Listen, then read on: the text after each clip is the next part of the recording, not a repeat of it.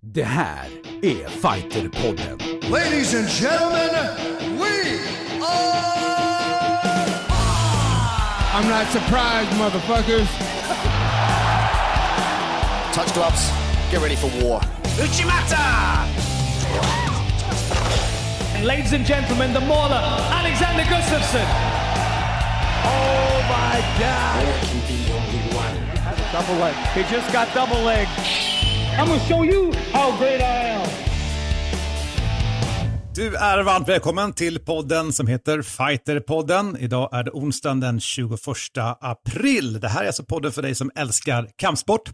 Jag heter Mårten Söderström och i dagens podd har vi i backspegeln bland annat matchen mellan Jake Paul och Ben Askren.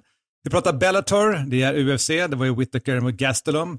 Vi pratar om judo, EM och eh, Panam-mästerskapen. Och så blir det också framåt UFC 261 och bland annat PFL, alltså Professional Fight League.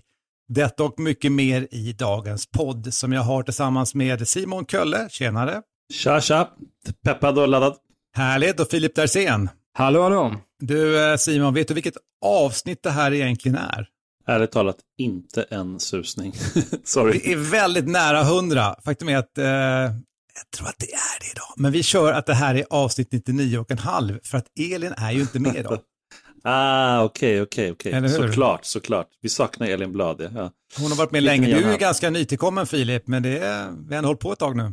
Mm, det är ändå kul att vara med på det här jubileumet, äh, jubileumet när det väl sker då, avsnitt nummer 100. Ja, jag tänker att det blir inom de kommande veckor, för jag tänker att du som lyssnar på podden, det hade varit jättekul om du ville skicka in lite grann, om du nu har följt med under tiden. Eh, bra minnen, kul saker som du har hört ifrån podden, saker vi kanske inte borde gjort och så vidare, eller saker du tycker att vi borde ta upp. Du skickar det till fighterpodden at fightermag.se.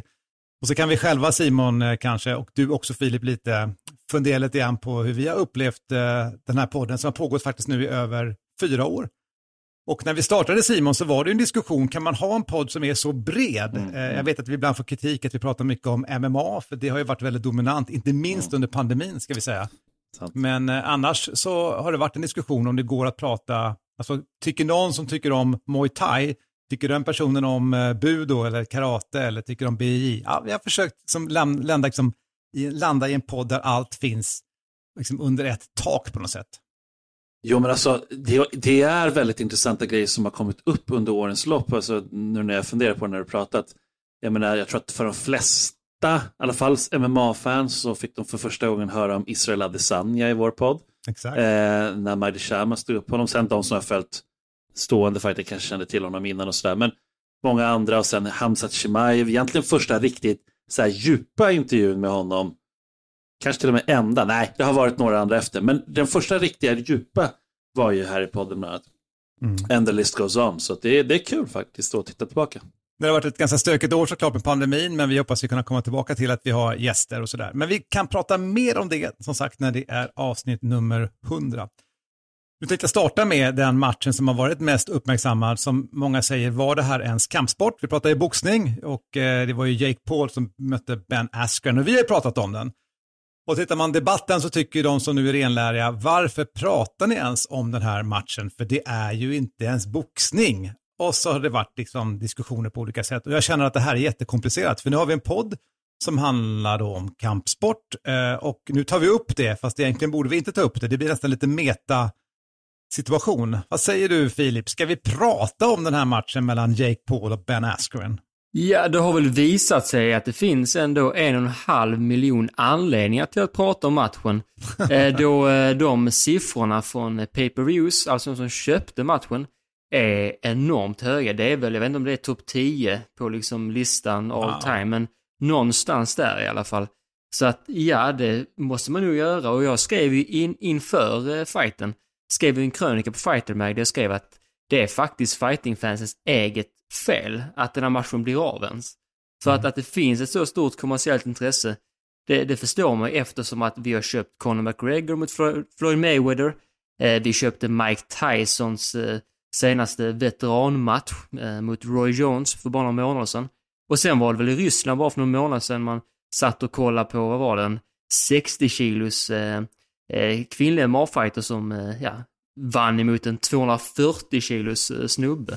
Så att eh, vi har, ja, det bara går i den riktningen hela tiden. Så att eh, det är inget konstigt i sig, skulle jag säga.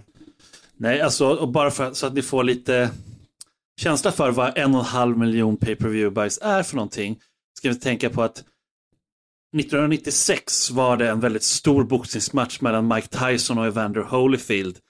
Den hade 1,5 miljoner köp, Wow. lite drygt, 1,59. Men det är liksom, och den var plats 10 då, eller nu då är, är den det. Så att, eh, ja den går typ, troligen inte riktigt in topp 10, men topp 11, alltså den är 11 eller 10. Det är ganska sjukt alltså, är det inte det Mårten? Alltså det är jättekonstigt. Jag ska säga direkt, jag såg ju inte matchen i sin helhet, men jag har ju såklart sett eh, att eh, Ben Askren åkte på en riktig propp av Jake Paul. Så att eh, vi ska inte hänga för länge i det här nu, men såklart om man nu inte har sett det så tror jag alla som lyssnar på det här vet ju att Ben Askren då som sagt eh, fick stryk. Vad säger du Filip? Och hur, som- hur bedömer du det här ens som boxning? Mm, alltså jag måste ju ändå säga att med kolla på den här nivån, alltså de är ingen, det är ingen proffsnivå egentligen.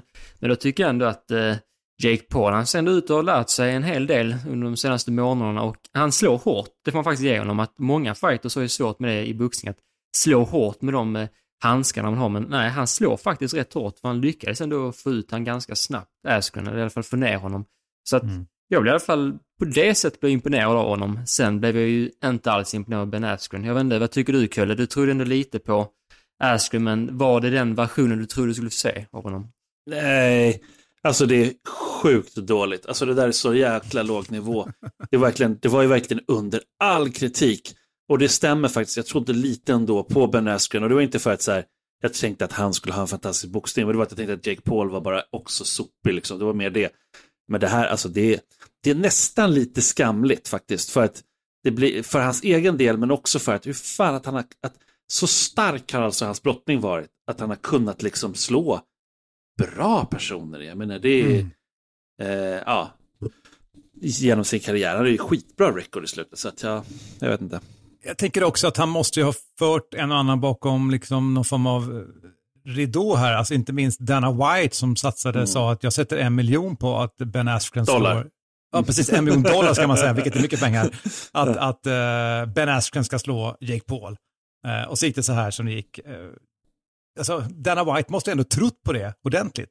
Ja, nej, men jag tänker mig väl att han har liksom ungefär kanske resonerat lite som jag, att Jake Paul är ju en amatör egentligen. Så, och eh, Ben Askren har ändå tagit smällar liksom, med, med mindre handskar, så att han borde kunna stå, men jag menar, man, får, man får inte heller glömma bort de här grejerna, att det var en vick, alltså, ett par viktklasser upp och kilorna som han hade lagt på sig var ju ölkilo, alltså det var ju öl och chips typ.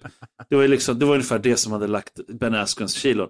Och han hade inte tagit det där seriöst för fem år. Han gick med sin tjej efter matchen och garvade liksom. Det var verkligen så här, typexempel på att skratta hela vägen till banken liksom. Det var den, eller hur Filip? Mm. Ja, och speciellt intressant tycker jag också det att Dana White brukar säga kontroversiella saker, liksom kanske Mm. utifrån hans egna intressen, men nu var det också Freddie Roach, Manny Pacquiaos demontränare, som sa att nej men Ben Askren han tar detta. Så att eh, det kommer ju från flera olika håll som faktiskt trodde på honom. Fast han har sagt lite konstiga grejer, Freddie Roach. Alltså, alltså typ Ja. faktiskt är, är lite sådär, ah, jag vet inte. Ah, jag är eh, underwhelmed. Ja, och så blev det spekulationer såklart att det var en läggmatch och så vidare. Men, men för att fråga, vet vi någonting om deras ersättning? Vad fick de för det här? Eh, innan pay per views var det ju 600 000 dollar till Jake Paul, 500 000 dollar till Askren. Men med pay per views måste det bli bra mycket mer med tanke på de siffrorna om de stämmer. Ja, det är ju en bra dag på jobbet. 10-15 miljoner kanske var liksom svenska kronor ungefär totalt. Ben Askren lär ju kanske inte gå upp i någon boxningsring igen på länge, Nej, men eh, nej, aldrig, Jake tror Paul jag. kommer ju få en utmanare. Vad tror du Filip händer nu med Jake Paul? För han, eh, han gör ju sig alltså, ett, ett namn på ett sätt som går väldigt fort fram, inte på Mm. stora meriter utan på spektakulära meriter på något sätt. Ja. ja, de som tror att han ska helt plötsligt möta en riktig boxare kan ju glömma det. det alltså den mest riktiga boxaren han kanske kommer möta är Tommy Fury i så fall. Tyson Furys lillebror som har fy- 5-0 i record och som också är en Mm. reality-stjärna. Men sen annars tänker jag, ja, skulle Conor McGregor förlora mot Dustin Poirier och, eh, i, i juli och sen välja att inte fortsätta med magkarriären, då kan den matchen bli av. Jag skulle faktiskt inte alls bli förvånad. Jag tror att båda sidorna hade kunnat se och kunnat sälja den matchen till ja, extrema summor. Ja. Eh, vi får se vad det tar vägen. Nu har vi spenderat 8-9 minuter på det här, vi skulle inte göra det, men nu har vi gjort det och vi går vidare i Fighterpodden. Från boxning till eh, MMA. Ska vi börja med Bellator? Jag tänker på vår kompis eh, Karl Albrektsson. Apropå vår historia, han har såklart varit gäst i Fighterpodden. Vad säger Simon om den, eh, den prestationen? Alltså en väldigt bra prestation. Det var Bellator 257 och vi hade matchen innan var det en dansk Mats Brunell. Eh, säger, jag rätt Filip? Du är nästan dansk, jag på säga. Men... Ja, Mats Bornell med skånska. Exakt. Eh, som, som vann på en snygg rear naked choke den, den matchen innan där. Sen så var det Karl Albrektsson och han mötte alltså brorsan till mästaren Vadim Nemkov, Viktor Nemkov. Och alltså, nej, han, han dominerade, han vann solklart på alla, av alla domare. Det var enhälligt domslut. Eh, Karl ser stabil ut, han ser stark ut, han är liksom eh, Ja, alltså tänk på lite också man har kunnat matcha och sparra och allting nu under den här tiden. Så att, Mm. utifrån de, den förutsättningarna så tycker jag verkligen alltså Karl Albrektsson är ett framtidsnamn. Och sen dessutom att han har slagit Vadim Nemkov som är champ, som återigen slog Phil Davis.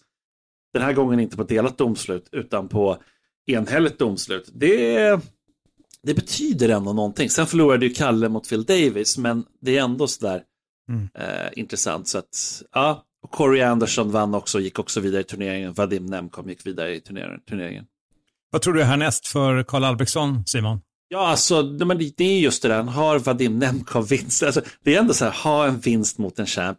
Så att eh, nu har ju de en turnering ändå, eller tungvikt, så att de kommer ju köra den, men jag tror att, eh, alltså jag vet, alltså det är jättesvårt att säga, det finns så många han kan möta. Killen som mötte eh, Corey Anderson, kanske han eh, Yagishi Muradov, någon sån där kanske, jag vet inte. Alltså det är spännande att se ändå, alltså om Karl Albrektsson vinner igen nu. Ehm, Alltså han, han rör sig uppåt inom uh, Bellator. Det är kul att se. Verkligen, verkligen. Och jag menar, det, hans rekord nu är 11-3. Mm. Det, är, inget dåligt rekord. Han har inte, han har inte, mött, han har inte mött enkla fighters. Alltså, Nej, precis. Exakt. Han har haft svåra motståndare faktiskt. Ja, ja, ja, ja, herregud. Nej, han är en av våra största fighters i Sverige. Och han kan väl också vara aktuell för att bli reserv till den turneringen läste jag, att han eh, Ja, är öppen ja, för ja. det. Så att det är väl alltid en väg in. Absolut. Ja, just det. Det hänger kvar MMA. Det var ju en UFC-gala i helgen. Eh, Robert Whittaker som mötte Calvin Gastelum igen, kan man säga då. Och ehm, ja, jag tyckte att han var ju riktigt duktig och eh, stabil, Whittaker. Jag tycker han ser väldigt bra ut. Vad säger du Simon? Ja, alltså jag håller verkligen med dig. Det är, alltså han är ju... Jag tror att ganska många tänkte att han ändå skulle vinna mot Kelvin Gastelum. Jag hade hoppats på att han kunde avsluta honom, men Kelvin är svår. Det säger lite också om, om Jack Hermanssons vinst mot honom i, i första ronden. Alltså det, det är inte dåligt. Men eh, Robert Whittaker, ja, nu vill han möta Israel Adesanya igen. Ja, alltså det är fortfarande där på lokal basis. Jag menar, Nya Zeeland, Australien, att göra en sån grej som de gjorde första gången de möttes, då, då är den väldigt relevant. Sen är det ju det att Robert är inte jättespännande liksom i sin stil. Det är väl det som talar emot honom. Men, men en rematch där känns ju, ja, det borde ju ske. Mm. Såg du matchen Filip? Ja, det gjorde jag, men tyckte, vet inte, blev lite sådär, eh, lite trött på den när jag satt och kollade Ja. på den. För jag kände att det var en sån match, ja, det var så man tänkte sig att en match med någon som Mm. kan se ut. Och, ja. Whittaker gjorde det han skulle, men han är ju inte liksom kontroversiell och så, liksom att de- han säljer in en match med Adesanya, utan det är just att han är en grym fighter som gör att han kommer få Mm. ännu en chans. Och om de eh, smittotalen är fortfarande låga där borta, så att jag tänker att de kan väl ha en stor eh, utomhusarena som sist kanske. Eller, och Ja, alltså det rör sig ändå framåt mot det och jag menar, de kommer ha Houston nu snart här i UFC så att då ska det ju vara, vad är det, jättemycket, över 20 000 i alla fall. Så att det kommer ju vara, de öppnar väl upp nu. Vad säger du Mårten? Ja, men jag tror det. Jag tänkte bara säga det att, alltså, för det som inte har sett den, de gick ju alltså fem ronder, den gick ju fulltid. Det- Alltså det var ingen rolig match. Eh, Det är precis som du Nej. säger, det var som att uh, Whittaker han gjorde jobbet. Det man kan vara imponerad över, är- eller imponerad, det är också ibland dummistighet, men Gastelum han ger sig inte, han har ju en jädra vilja liksom. Han fick ju mycket stryk, men ändå gick han på hela tiden. Men som match så kände jag sådär, äh, inte så underhållande som jag hade hoppats. För lite så konsumerar jag ju MMA, jag vill ju ha underhållning Mm. också. Jag brukar vara ganska kritisk mot när det är beta tunnvikter som jag säger, då är Ja. det tråkigt liksom. Så det var lite grann den här matchen, eh, jag tycker den hade större potential. Ja men alltså det är viss problematik. Det, kan vara väldigt bra matcher ändå. Men när vi har, huvudkortet här, då var liksom delat domslut, delat domslut, enhälligt domslut, enhälligt domslut, enhälligt domslut. Det var alltså inget avslut på hela, på hela liksom, Nej, huvudkortet. Det är alltså, det, ja, det betyder att de är bra matchade kan man ju säga, men det är också lite så här, mm, Andrei Arlovski co-main event liksom som hade massa förluster, eller en förlust i ryggen. Han vinner och förlorar hit och dit och så här, mot Chase Sherman. Det spelar liksom ingen roll. Han säger att han ska fortsätta flera år, Andrei Arlovski. Liksom. Vad ska han vara, typ snart 50 alltså, så här, köra? Alltså jag menar det, jag vet inte, det, det, det blir lite så här, det, inte, det betyder liksom ingenting. Jag tänker också för liksom den svenska, de svenska fansen som kanske ser det på morgonen efter, som jag gjorde nu den här gången, då blir det väldigt lång tid att sitta där och se de här, alltså, de här långa matcherna. Eh, så jag blev liksom trött på det efter halva. Även om man bara ser huvudkortet, men det blir ju rätt Håller lång helt tid med att sitta. var. Vi har exakt samma upplevelse Filip, precis samma hade jag. För att det var som min tjej sa, liksom, är det inte klart än? Du vet, så här, nu går söndagen, ja, det ligger någonting i det där. Ja.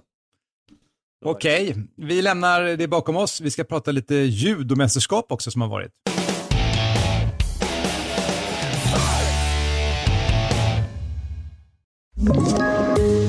Poddtips från Podplay.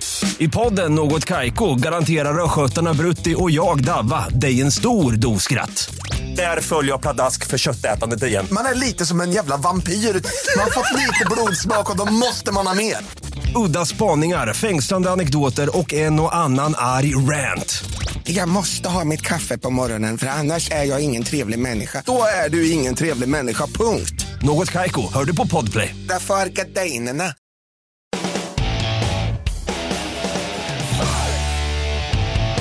Vi ska såklart också ta upp UFC som kommer, men jag tänkte först bara säga att det har ju varit EM och eh, Panam-mästerskap i judo, Simon. Och vi gillar ju judo, men det är sällan vi pratar om det. Ja, så vi pratar om det när det är stora tävlingar och sådär. Det, och det har varit så otroligt lite. Men nu var det liksom i EM, eh, gick av stapeln i Portugal. Ja, men återigen, det är det som vi pratade om innan podden, att det är så svårt att läsa om grappling och sådär. Det är ganska svårt att läsa om judo också. Det, det, det är inte som att sajterna skriver jättemycket om det. Det kan vi bli bättre på på Fighter med också tycker jag. Men det är Kosovo och Turkiet i alla fall tog två guld var där. Frankrike, de fick flest medaljer på, på EM med åtta stycken. Och Portugal då som där EM var, de tog fyra medaljer. Sverige alltså gjorde ett bottennapp, de gjorde ett väldigt svagt EM skulle jag säga. Men och fick ingen pallplats. Och i samma veva så har man också ställt in SM. Eh, och det är lite av anledningen. Förbundet har gått ut med det och varit väldigt tydliga. Anledningen är att SM 2020 i Malmö, det är typ sist de flesta liksom gick en match. Alltså, Ja. det är så här, och judo, där är det ganska mycket matcher. Det, det, det, är liksom, det är inte som MMA på det sättet. Det, det påminner mer om brottning på det sättet att man behöver gå ganska mycket matcher. Det är klart man inte kan göra ett bra EM då, alltså det är väldigt svårt. Så det var en svår situation för, för Sverige. Sen i Panam då, som gick av stapeln i Mexiko, där var det Brasilien som dominerade riktigt, riktigt bra mästerskap. Tog 7 av 14 guld. Eh, och eh, 14 medaljer. så att jag menar, det, i alla klasser så tog, tog, fick de åtminstone en medalj. Mexiko tog sex medaljer, USA sju, men faktiskt varken Mexiko eller USA tog något guld och det hör inte till, till vardagen riktigt. Så det, det här är, det är konstiga mästerskap det här alltså. Ska du definiera också vad Panam betyder, vad det är för någonting, vilken typ av tävling det här är? Ja, men Panam det är väl alltså eh, Pan American, alltså det, är- det är ju både Sydamerika och eh, USA liksom. Det är väl det Mm. som är grejen. Mm. Just det. Har du intresse i judo, eh, Filip? Ja, Inte direkt, men jag pratade, intervjuade Tommy Massias för ett Ja. tag sedan. Han vann ju EM 2019. Jag vet inte om han var med. Jag tror inte det. För jag har inte hört någonting om det. Nej, det är tråkigt. Det blir väl OS istället, tänker jag de siktar på kanske. Ja, men Ja, också de gör det. för Sverige tänker jag, för Sverige har, eh, har egentligen ett ganska bra landslag, ska vi säga. Ja, ja, herregud, ja, absolut. Men, eh, men som sagt, det, det är väldigt svårt. Det var ju få som var med såklart, ska vi säga till att börja med. Mm. Men det är också, det är svårt. Alltså, får, får man inte tävla så är det jättesvårt. Och i vissa länder har, då kan man tycka att men alla har samma, liksom, det är samma sak för alla. Men det har ju ändå skett ett antal, i, eller inte EM, men judotävlingar. Eh, och så att i Frankrike till exempel, Turkiet och just faktiskt, inte kanske specifikt Kosovo, men länderna däromkring, eh, Serbien och sådär, där har det ändå varit en del faktiskt judo. Så att det talar kanske för den saken, men jag vet inte, alltså det, de flesta har ju ändå fått gå få matcher, så att det, ja, det får väl bli en ursäkt då kanske, jag vet inte. Mm. Ja, vi kommer tillbaka till judo i Fighterpodden. Nu går vi tillbaka till MMA.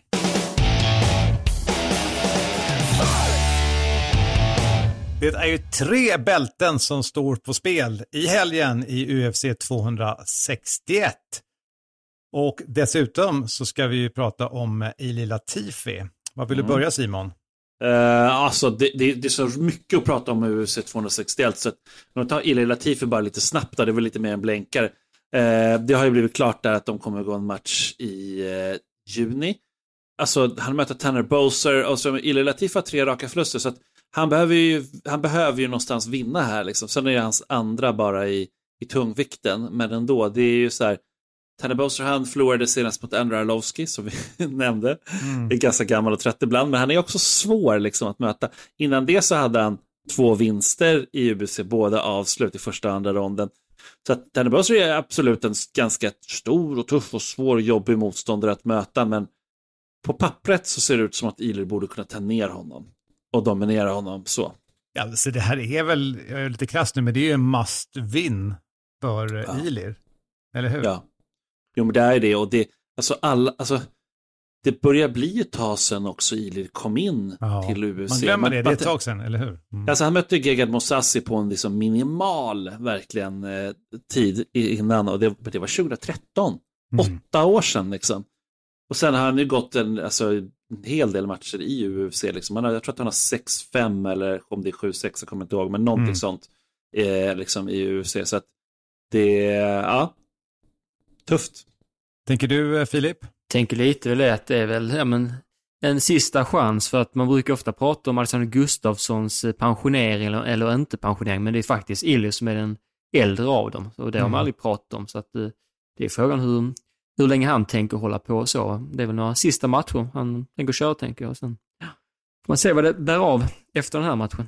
När vi ändå är inne på det, tänker jag på att prata om um, The Mauler. Det går ju rykten om att han, det kommer något stort snart. Det, det, det, som, det, som man gör nu för tiden när man hypar i sociala medier. Hypar, Mm. Men någonting hypar. stort, eh, så tänker jag det, ja. Juni månad, då borde de ju ha tillkännagivet det, men det hade ju varit kul också kanske om både Mm. Alex och Ilik gick på samma kort. Mm, det, hade, det hade faktiskt varit roligt. Jag kollade det nu då medan för att se om jag hade rätt. Det var 7-6 var det, så att han har vunnit 7, förlåt 6. Mm. Men det är ju, alltså det... Ilir är ändå grym vill jag ändå säga och han... Det fanns med... På visst sätt, man skulle kunna se, det var väldigt tajt, men han skulle kunna nästan ha vunnit också mot Derek Lewis. Jag tror det. Så att, eh, men ah, då är man lite snäll, men ändå.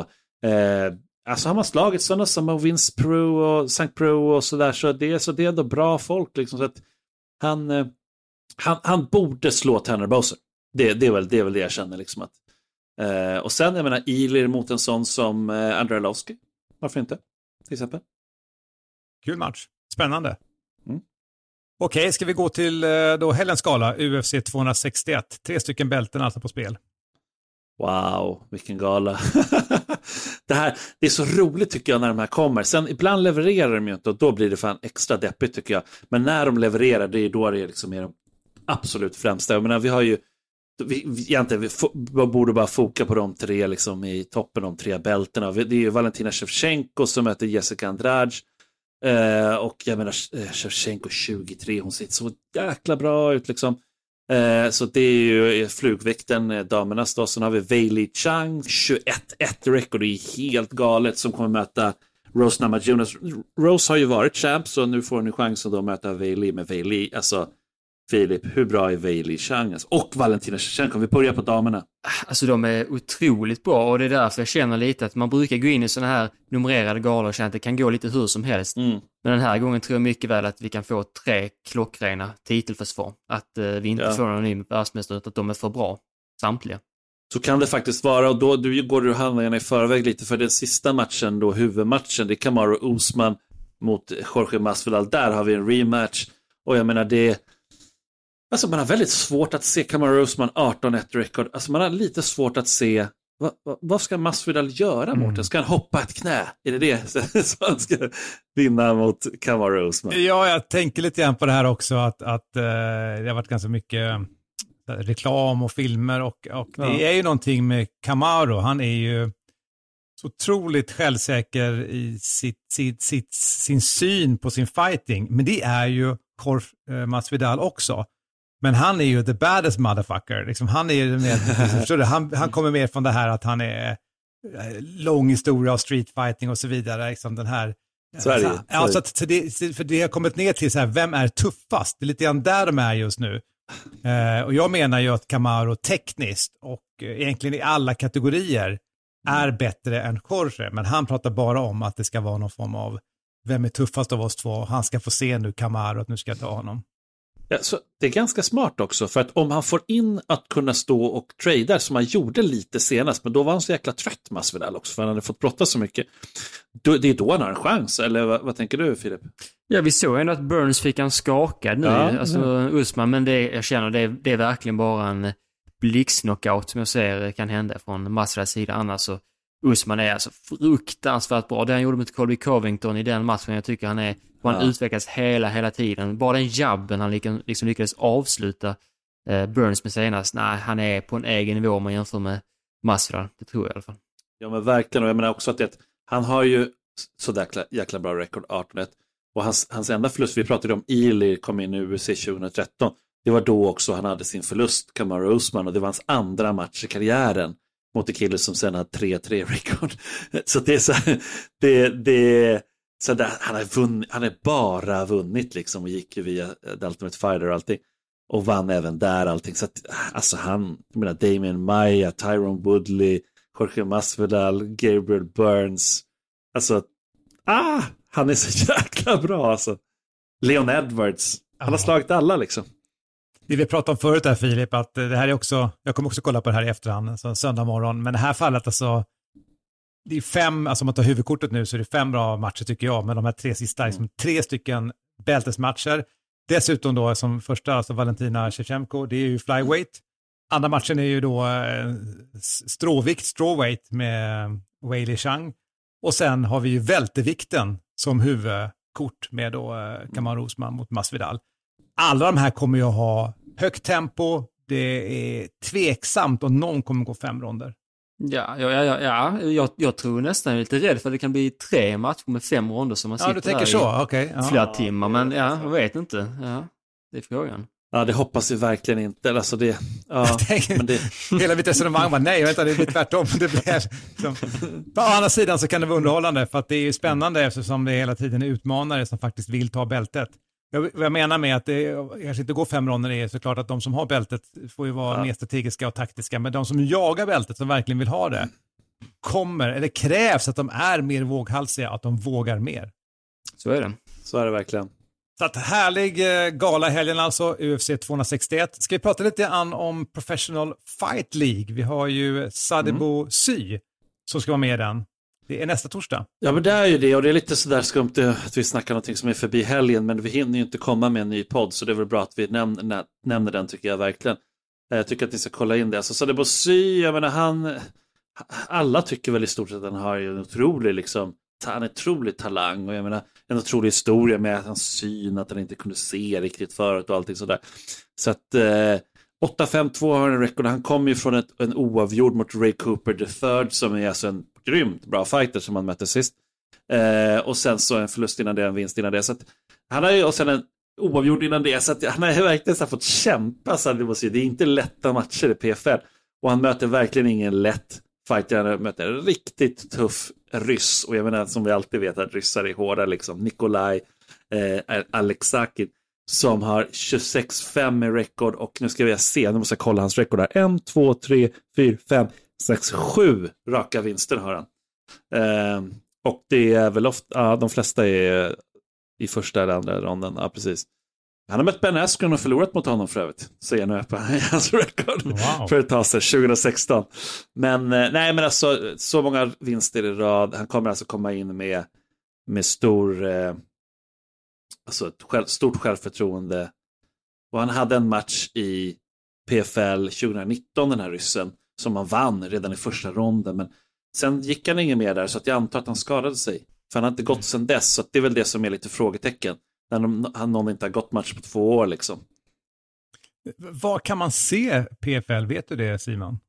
Uh, ja, Sadibu Sen har ju verkligen spetsegenskaper i det stående, så det är ju en ryss han möter, så man är ju lite rädd kanske för hur bra han är på marken, den ryssen. Så att, uh, hoppas att han inte är, har allt för bra där nere. Så kan väl Sadibu lösa detta och gå vidare i detta eh, det här säsongsupplägget de har. Jag har inte kollat exakt hur många matcher han kan gå totalt. Alltså, som sagt, om man vinner här så går han ju vidare.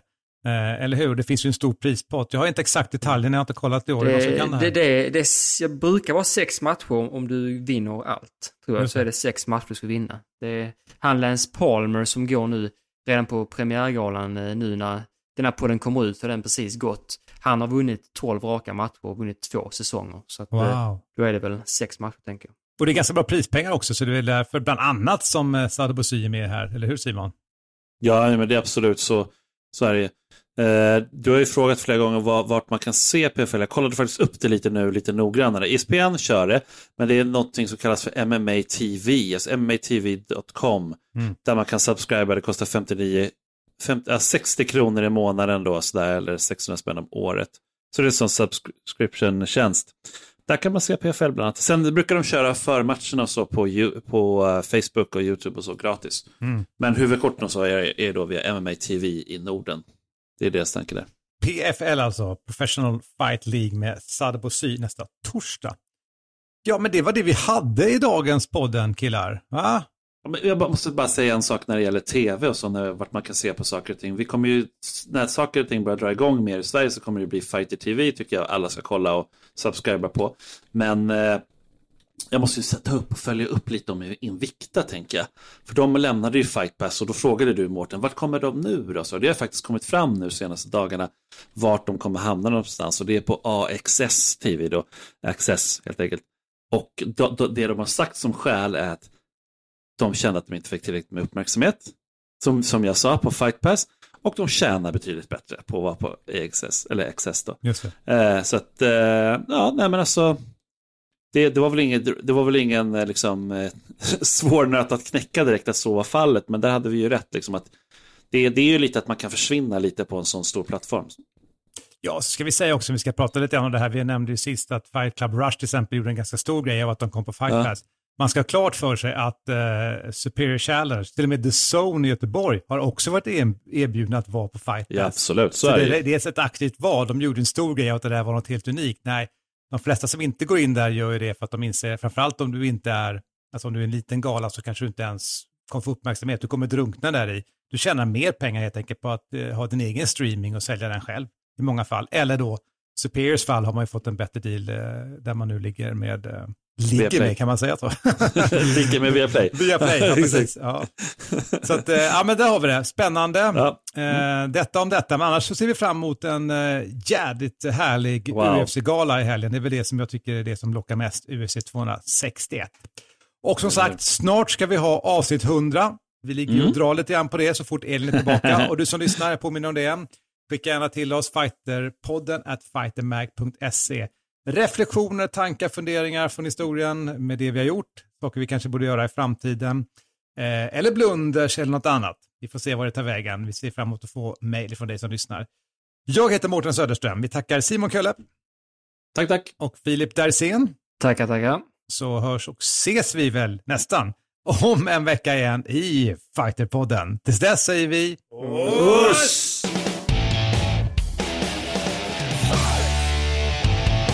Fighterpodden produceras av Suba Media för Radio Play. Poddtips från Podplay. I podden Något Kaiko garanterar östgötarna Brutti och jag, Davva, dig en stor dos skratt. Där följer jag pladask för köttätandet igen. Man är lite som en jävla vampyr. Man har fått lite blodsmak och då måste man ha mer. Udda spaningar, fängslande anekdoter och en och annan arg rant. Jag måste ha mitt kaffe på morgonen för annars är jag ingen trevlig människa. Då är du ingen trevlig människa, punkt. Något Kaiko, hör du på Podplay. Därför är gardinerna.